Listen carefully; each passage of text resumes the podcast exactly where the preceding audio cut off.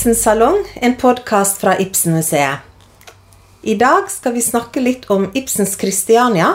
Og med oss har vi museumsleder ved Ibsenmuseet i Oslo, Erik Henning Edvardsen. Og du er jo godt kjent med dette temaet, Erik. Du har jo skrevet en bok, og den er veldig fin, syns jeg. Eh, og Ibsen var jo i Kristiania i tre Bodde her i tre perioder, i hvert fall. Og han kom jo her som en ganske ung mann i 1850 Ja. fra Grimstad. Hvordan så Oslo ut, eller hvordan så Kristiania ut da? ja, det var vel litt, nesten litt Ravnekrog-aktig, kanskje. Men vi hadde jo universitet, og det var vel kanskje grunnen til at han kom for å ta eksamen artium. Og så hadde han jo skrevet det første dramaet sitt, 'Katelina', som var akkurat blitt utgitt. Eh, men det hadde blitt eh, neglisjert på teatret, så det ble ikke noen forestillinger. Men eh, det var kanskje allikevel eh, mulighetenes by i Norge, i hvert fall.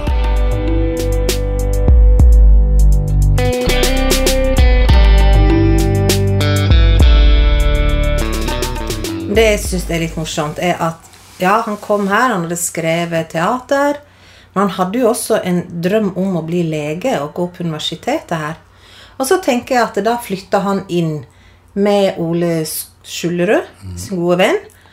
Og da flytta de inn i Piperviken til Morseter. Ja. Og hun var jo det kanskje mange vil si en klok kone. Hun var, hadde kanskje litt mer utdannelse, ja. men eh, en klok kone. Og jeg syns det er ganske spennende når Vi tenker på Ibsen som den moderne dramatikeren ikke sant, som tar opp kvinnespørsmål. og. Så sitter han her da i Kristiania og, og bor hos denne her Hun ble jo faktisk Ja. dømt under kvakksalverloven. Ja, Signekjerring kaller man det også. Eh, ja, nei, Det var jo veldig rart. Altså, Han hadde jo eksaminert medhjelp ved ved apoteket i, i Grimstad. Og den ideen om å begynne å studere medisin og så bli boende der Men eh, det var jo Ole Skjulerud, kameraten, som hadde hybel der.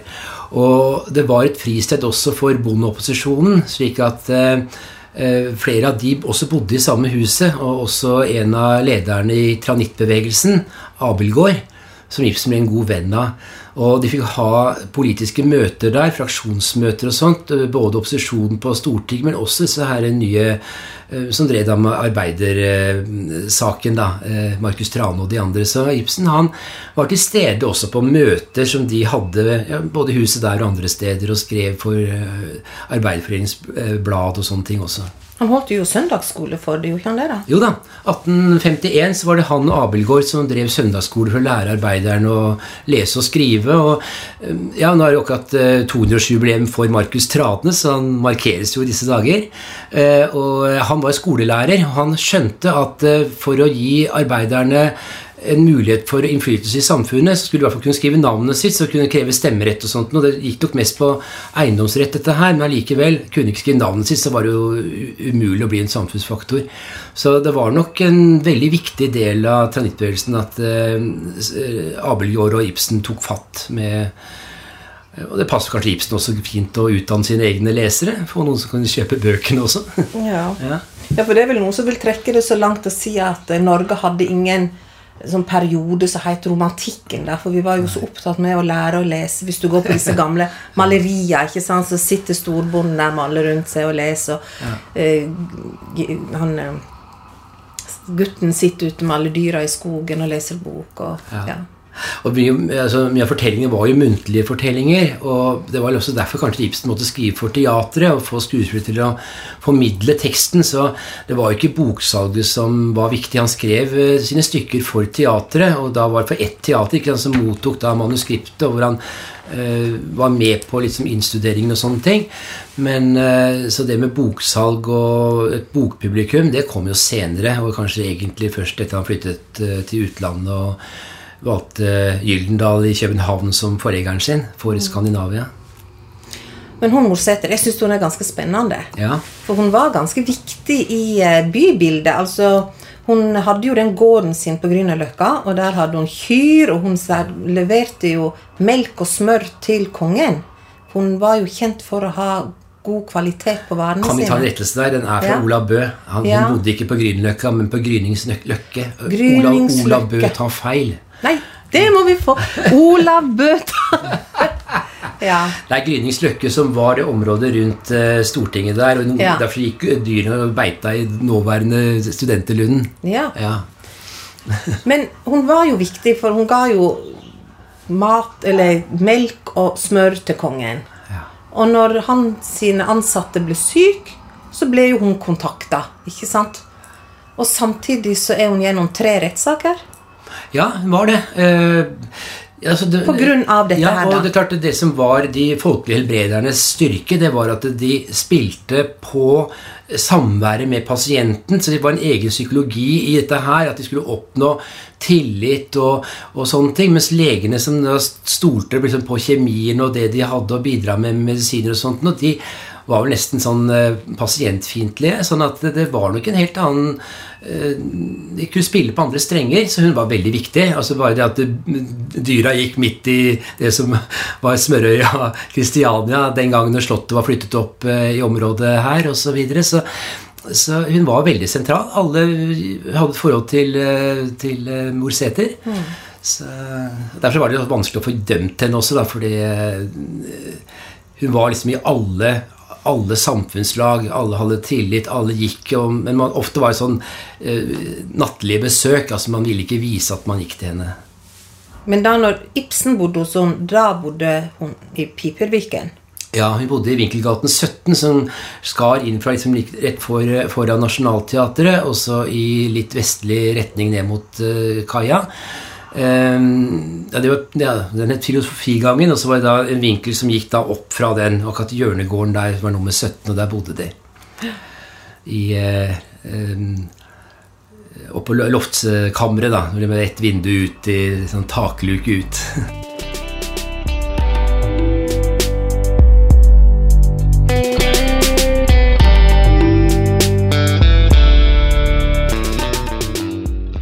Men da når Ibsen kom til Kristiania, da, da begynte han på Heltberg studentfabrikk. Er det det samme Heltberg som er i dag? Nei, det er ikke det. De har brukt det navnet, tror jeg bare. Så, Men Heltberg, han eh, var jo en eh, sånn eh, latiner eh, som gikk sammen med en Rehorst, som var matematiker, og de to eh, lagde et sånt eh, privat eh, gymnas, rett og slett. Og det var jo ofte for da folk som ofte var voksne. altså de hadde og ville ta en utdannelse, eller det var eh, bondegutter og sånt som ble, hadde litt penger med hjemmefra og så fikk eh, den utdannelsen. Så han eh, tok på rekordtid og gjorde folk klar for eksamen artium, og så brukte universitetets lærere til å eksaminere dem, da så kom de igjennom. Ja, for det var fire måneder Ibsen gikk der. Ja, det var veldig lite, så minimum var vel egentlig to år, men Ibsen hadde jo fått eh, privat eh, undervisning i eh, Grimstad, og hadde også sendt stiloppgaver til en li i Kristiania, fått det rettet. Kanskje han skulle ha gått der litt lengre, for han fikk Ja. jo stryk i gresk og aritmetikk. da. Ja, da han gjorde det. Og det Og godt i norsk, det er jo ganske fornøyelig. Ja, han fikk en stiloppgave som het noe sånt med hva skulle den yngre slekt lære av den eldre generasjon, og det hadde kanskje ikke Ibsen oppdaget noe særlig av. Så det var ikke akkurat oppgaven hans, men har gitt mange forfattere litt eh, håp da, om at det er eh, mulig, selv om man kanskje ikke har fått toppkarakter i norsk stil. Men det er jo veldig spennende tid i det, for jeg ser at eh, vi, har, vi er jo så heldige at vi har vitnemålene hans her på Ibsen-museet. Ja. Så hvis du er interessert i å vite hvordan han gjorde det ellers i andre fager, så må en ta seg en tur hit. Og det er jo underskrevet av Welhaven. Ja, det er gøy. Ja. Ja, eh, han var jo professor i filosofi og var jo dekan, slik at han signerte. Eh, det er jo ikke sikkert at det så går ut dårlig karakter om han hadde visst han fikk en dikterbror, for jeg tror ikke Ve- Ve- Welhaven hadde noe særlig plass for Ibsen og skjønte den nye litteraturen. Mye av den der eldre kretsen da, med Welhaven og eh, Jørgen Moe og Asbjørnsen og flere, de var ikke helt med på det Ibsen skapte, i hvert fall ikke i samtidsdramatikken.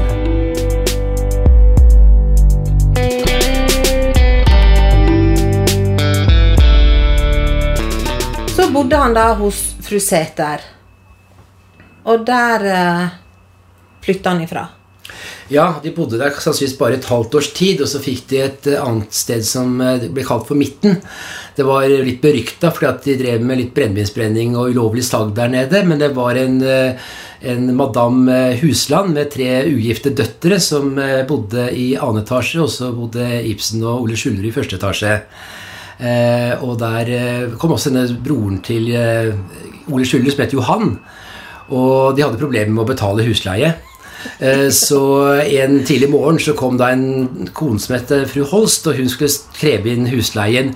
Og Ole Skjuller var oppe, så han hoppet da ut av vinduet og forsvant. Men Ibsen han lå fremdeles i senga, så han eh, hoppa inn i skap og ba eh, Johan om å si at, var, at herrene var ute. Men fru Holst hadde bare gått tvers igjennom rommet og dratt opp den skapdøra, og Ibsen kom ut da med masse unnskyldning og skulle betale husleie osv. Og, så og de der leide de med kost. Og så til slutt så måtte de jo kutte ut den kosten, da, for de hadde jo ikke penger til det. Nei, men da var jo Catalina et hjelp, da. Den var jo trykket i kanskje så mye som 200 eksemplarer. Og det var noen esker stående der med Catalina, og Ibsen hadde gått ut da og fått solgt det til en smørhandler som skulle ha funnet brukbart innpakningspapir. Han har nok kanskje gitt bort noen gaver også, så det er litt for mange Catalinaer til at alt har vært ødelagt. Det var jo solgt bare 40 eksemplarer. Men da hadde de penger da til sildsitterost og lypsk pølse og øl og kaffe og egg og bacon og litt av hvert. Så da var det velstand i noen uker. Men så kom Ole Bull ja. og tok med seg Ibsen til Bergen. Ja. Og så begynner en ny periode der. Mm -hmm. Og så jeg mener jo at de åra i Bergen, de fem åra, det, det, er jo det som gjør at vi får den dramatikken vi har. Sant? Han lærte det praktiske teaterarbeid. Og kommer så tilbake igjen til Kristiania. Og nå er han blitt artistisk direktør ved Det Norske Teater i Møllergata. Ja. Hva er en artistisk direktør? Ja, han var rett og slett direktør. Altså var, han hadde både ansvaret for eh, skuespillerne, innstuderinger eh, altså hele, hele delen av det, også det administrative. Eh, så det var vel det at han rett og slett eh, regjerte hele greia aleine. Og han ble rett og slett headhunta. Han var den eneste nordmann eh, som hadde teaterkunnskaper. Det var jo bare dansker som kunne noe her. Til og med Christian Norske Teater hadde en dansk gartner og en dansk instruktør. Eh, men de fikk sendt eh, han dansken ut. da, De sa han kunne konkurrere med Ibsen, men han skjønte at eh, slaget var tapt, og, og søkte ikke, og Ibsen fikk den stillingen. Og dette, Det Norske Teatret, det er jo forløperen til Det Norske Teatret vi har i dag, ikke sant? Ja, på mange måter. Ja. ja. Og det lå nede i Møllergata, men det, ikke, det, det fins det jo ikke lenger. ikke sant? Der det ble revet i 1965. Ja. Så sent. ja. Og da er det KFUM-bygningen som er kommet opp. Ja. Så det som er igjen i det området der nå, det er Stortorvet? Gjestgiveri? Ja, ja, det er det. Og gamle Kristian som ligger ved siden av. Som er siste ja. delen av det huset før det som var teatret.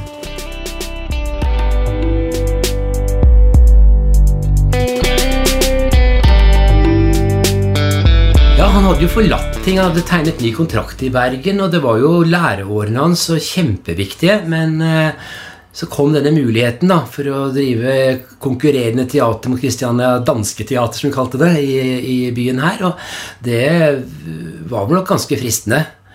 Eh, og mange av skuespillerne kom jo også etter Ibsen fra eh, Bergen og begynte å jobbe hos han eh, i Møllergaten. Og så gifta han seg. Mm -hmm. Flytta inn i Akersgata 35 ved Egetorget. Mm -hmm. Kurland. Ja. Så der gikk disse unge og kurra. Ja, det var jo det han brukte i 'Kjærlighetens komedie' etterpå. Det var ikke min mening å gå under armen med henne på Kurland. Og det var jo eh, Kurland og Urland. Urland er den siden universitetet ligger. Man har uret i bygningen, og Kurland er den andre siden. Man går gjør, og gjøre kur til hverandre. Så det er fortauene begge sider av Karl Johans gate nedover. Det er vel litt sånn i dag òg, ikke det? da? Jo, det er nok det. Og sprada på Karl Johan. Slipper ja. å gå med anstand, kanskje. Men det som går igjen, ikke bare i denne perioden for Ibsen, men gjennom hele livet til Ibsen, er jo vanvittig mye flytting. Ja. Ikke sant? Han er i, i Kristiania da, fra 57 til 64, og det er et utall av adresser han hadde her. Akersgata, og så flytta han til Egertorget, og så var det Nedre Bakkehus ved Pilestredet. Malteby, Akersgata. Kristian Guds gate. Hegdehaus. Eh, ja. altså ja, Hva var altså, grunnen til ja, ja, Først så var det på vei oppover. Altså Først i Akersgata, og så til Kristian Augusts gate. Og så kom han jo eh, senere til Malteby, opp, litt lenger opp i Akersgaten. 65, den ligger jo der fremdeles. Men det var byens fineste leiegård. Og der bodde jo også Bjørnson. Eh, og eh, Eh, lønningene hans ved teatret det steg, for han hadde jo suksess bl.a. med 'Hermen på Helgeland', så han var en suksess i starten der. Men så var det nedgangstider eh, og dyrtidstillegg og masse debatter i avisene. Eh, og de hadde kjøpt teaterbygningen og tenkte at de nå skulle begynne enda mer profesjonelt osv., men da eh, ble det innhentet av dårlige tider og teateret gikk jo konkurs. Så etter 1860 så er det jo mer at eh, Ibsen flytter pga. kreditorer og skyldt eh, husleie og sånt noe, og en masse rettssaker som man ikke møter opp i, og taper dem suverent, med også saksomkostninger og alt mulig, så det blir jo en svært forgjeldet eh, Ibsen.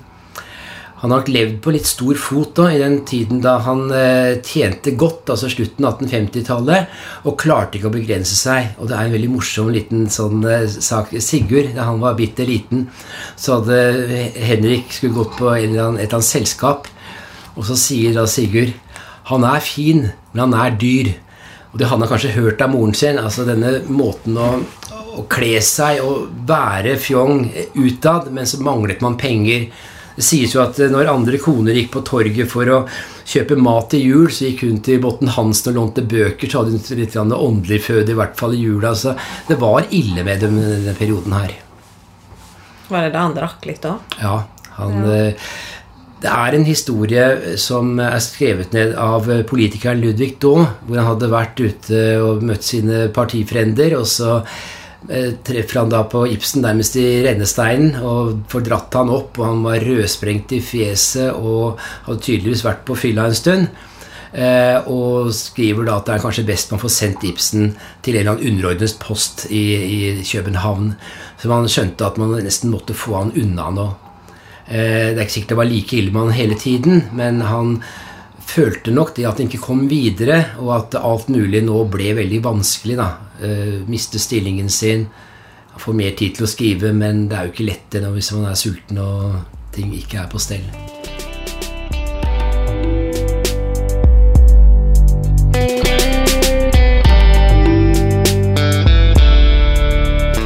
Vi er jo en del av Norsk Folkemuseum, og der har vi jo Seterhytten.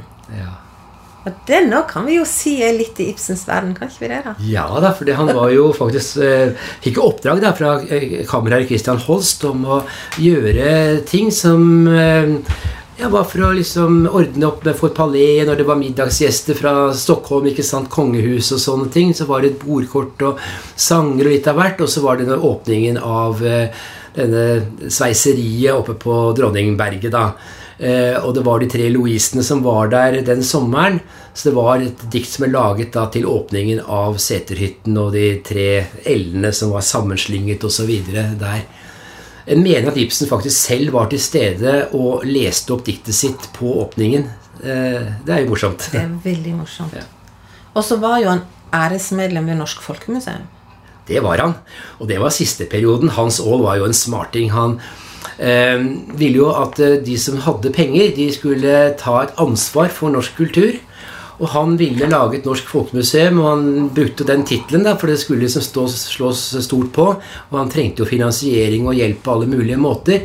Og så gikk han da runden rundt og kom ned til Victoria terrasse hvor Ibsen da bodde, og banket på for å komme inn og forteller da om ideen, og Ibsen er interessert. Ehm, og så sier han at eh, men det er to måter å kunne støtte museet på. Enten så kan du bli livsvarig medlem, eller så kan du eh, betale en årskontingent. Og så spør Ibsen hvor mye det er. Så fortalte da Hans Aall summen, det var to kroner og sånt nå. Og Ibsen sitter der og regner litt, og så tenker han seg om, så sier han ja, jeg, kan, eh, jeg tror jeg tar et års abonnement. Han var blitt en gammel mann allerede. Men jeg kan betale dobbelt. Og det han opplevde da, det var det morsomme at når alle listene blir stående og hvem som gir penger til Norsk Folkemuseums drift, så står Ibsen med sånn egen eh, stjerne og så en fotnote der så det står 'Henrik Ibsen betaler dobbelt'. Så han ble jo gjort veldig godt merke til, da, selv om han kanskje tapte litt på det at han levde såpass lenge, eh, til 1906, at han faktisk betalte mer enn det livsvarige medlemskapet. Gikk det en god sak, da? Ja, gjorde ja. det. Ja, for den siste perioden, det, da er det jo en en uh, verdensberømt dramatiker vi snakker om. ikke sant? Og til og med i dag så er det jo bare Shakespeare som blir spilt mer enn Henrik Ibsen. Ja. Og vi på Ibsen-museet vi er jo så heldige at vi det er jo den perioden vi jobber mest med, da. ikke sant? Men den verdensberømte dramatikeren som kommer hjem igjen. Og da snakker vi om fra 1891 til han dør her i leiligheten i Albins gate 1 i 1906. Det... Ja, han hadde jo en tidobling nesten av en eh, professorlønn. Eh, inntektene var jo kjempestore. Og det gjorde han faktisk pga. det at han klarte å samordne forfatterskapet sitt, slik at bøkene kom på samme dag i London, Paris, Moskva, Praha, München, Berlin, Roma og ble sendt med båt fra København til Stockholm og Kristiania en dag eller to før, slik at alle åpnet bokvesker på samme tid. Så det er der, det du ser nå fra utlegging av Rolling Stones-billetter og hva det måtte være, Macintosh-produkter, at man setter en utgivelsesdag, og folk overnatter jo foran forretninger for å få tak i de første eksemplarene. Og det der galskapen satte jo Ibsen i gang. altså så eh, Det ble inntekter. Mm. Og, og, her på museet så har vi jo leiligheten der Ibsen bodde de siste elleve årene.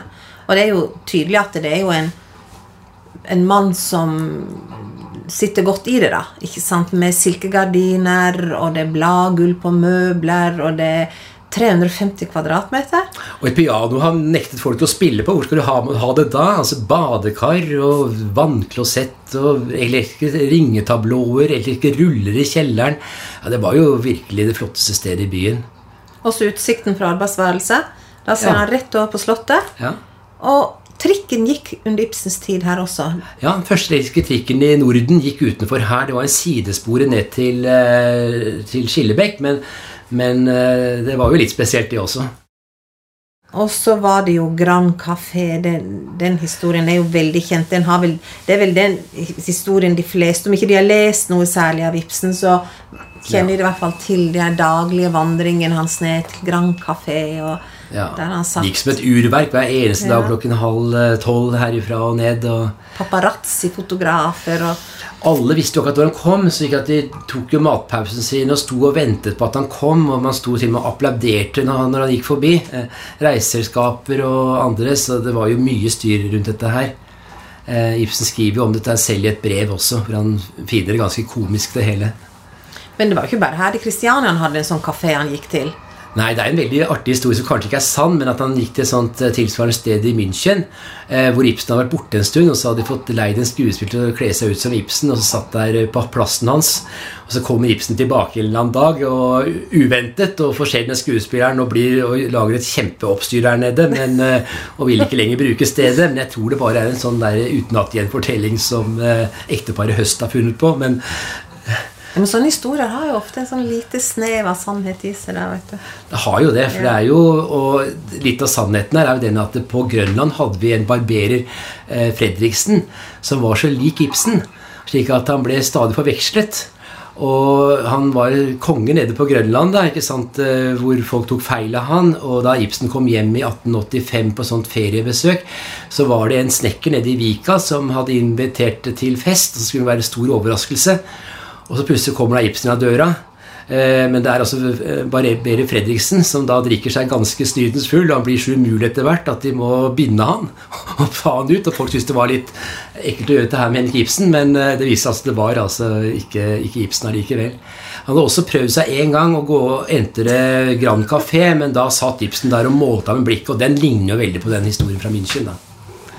Det var den eneste gangen han da våget seg over på vestkanten. Etter hvert så ble han eldre og litt mer dratt og tynn i fjeset, så likheten med Ibsen det måtte han gi opp. Han fikk tak i en svær byste av Ibsen som han hadde stående på barberforretningen sin på Grønland.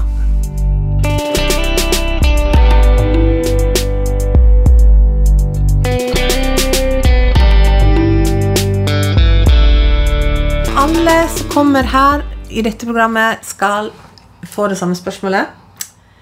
Og det er Jeg syns det blir dumt å si sånn favorittstykke, men er det ja. noen av, noe eller noen av stykkene til Ibsen du har lyst til å trekke ekstra fram? Eller er det sånn som ja, med meg at det kommer an på dagsformen? Det er, kjempevanskelig, og det er litt hva som nesten dagsstemningen. Eh, det som kanskje gjorde at jeg fikk eh, interesse for Ibsen, det var denne NRK-filmatiseringen av Villanden som gjorde at jeg stadig vekk la opp Villanden. både på ungdomsskolen og på videre, eller på gymnaset og sånt. Jeg ble til og med hørt til, det, til eksamen artium. Er det den med Anne-Marit Jacobsen? Ja, ikke sant? Ja. Så det er jo det er helt skjellsettende sånt. Jeg mener det er et veldig godt teaterstykke også. Men når du først skal da ta et stykke som, eh, som engasjerer på et sånn bredt og, og engasjerende og, og utforutsigbar måte, så er jo Per Gynt i en sånn særklasse også, da. Men, så det må få være de to, da. Per Gynt og Villand. Og Villand kan jo han ja. ha fått litt Begge de to Ja. kan jo han faktisk ha fått litt inspirasjon til når han bodde her i Kristiania Ja. når han, hos en fotograf og lærte seg For han var jo, Ibsen var jo veldig interessert i Ja, begge stykkene handler om det med å fotografere. ikke sant? Denne her øh, eh, Skjærstilen er beskrevet som en fotoframstillingsprosess i eh, Per Gynt. Jeg, jeg damper, jeg drypper, jeg brenner, jeg renser med svovel og lignende ingredienser. Bildet kommer som platen skulle give, det der giver det positive. Men har det delvis strøk seg ut, hjelper de verken med eh, svovel eller kali lut. Ikke sant? Det er en fin måte å bruke fototeknikken på. Og Hjalmar Ekdal er jo fotograf, og Ibsen Skall har bodd sammen med en fotograf oppe på Hegdehaugen. Og har kanskje lært av han, fordi at denne fotografen han begynte også å skrive dikt. Og eh, det er mye tyder på at det var Ibsen som fikk eh, dette første diktet hans publisert. Dette var en sånn altmuligmann som eh, prøvde seg frem på alle mulige måter. Tobakkshandler og dikter og fotograf og alt mulig. Han endte opp i Chicago og som journalist og skrevet noen bøker der også, tror jeg. Så eh, dette var en merkelig figur Ibsen da møtte, men som han da også klarte å, å få litt ut av, kanskje. Han het Edvard Larsen, og hans dikter kom ut i 1862.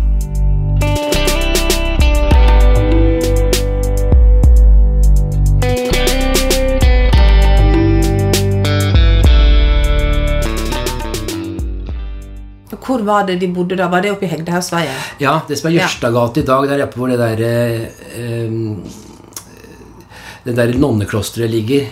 Eh, det er eiendommene de rev det ene huset Ibsen bodde i i 1977. Så Kristiania var jo en ganske stor by på den tiden. Ja, det var vel kanskje egentlig sett på som Altså Det var jo Aker, egentlig, så det var utenfor bygrensen. Så det var vel sånn noe, litt i, i, i landlige omgivelser. Og det var litt eh, vel landlig der oppe, slik at eh, brønnen den yret av firbønn og fislesgipsen, i han nettopp betalte husleie. Han kunne vel ikke heller, og måtte finne en unnskyldning. Men hadde da leid en kone til å bære vann for seg. Eh, Og Sigurd var jo eh, bare baby, så de trengte jo sikkert mye sånt. Og det var også da sagt i rettssaken at eh, den var ikke ordentlig isolert for vinteren, så han ville ha medhold med å flytte da før vinteren. Og det fikk han medhold i også, fordi tape tapeten har stått som seil inn i stuen når det blåste ute. Eh, så det var nok ganske kummerlig for han akkurat eh, der oppe også. Ja, Det er litt å tenke på når en går opp Hegdehaugsveien i dag, da. Ja. Og det var jo der oppe han eh, påbegynte dette stykket som ble Kjærtens komedie også. Så dette her med alle navnene der, hvor da eh, alle de som kultiserer hverandre, har fuglenavn. Falk og Anna og Svanhild og sånt. Eh, og så har vi da eh, fru Halm, ikke sant, Rede. Og så har vi Gullstad, som stikker av med Svanhild, for han har jo penger nok. Eh, og så har vi han derre logrende mannen fra departementet, Passopp. Ja. Eh, og så eh, hans utkårne osv. Så, videre, så eh, han har jo brukt liksom litt av omgivelsene også i diktingen.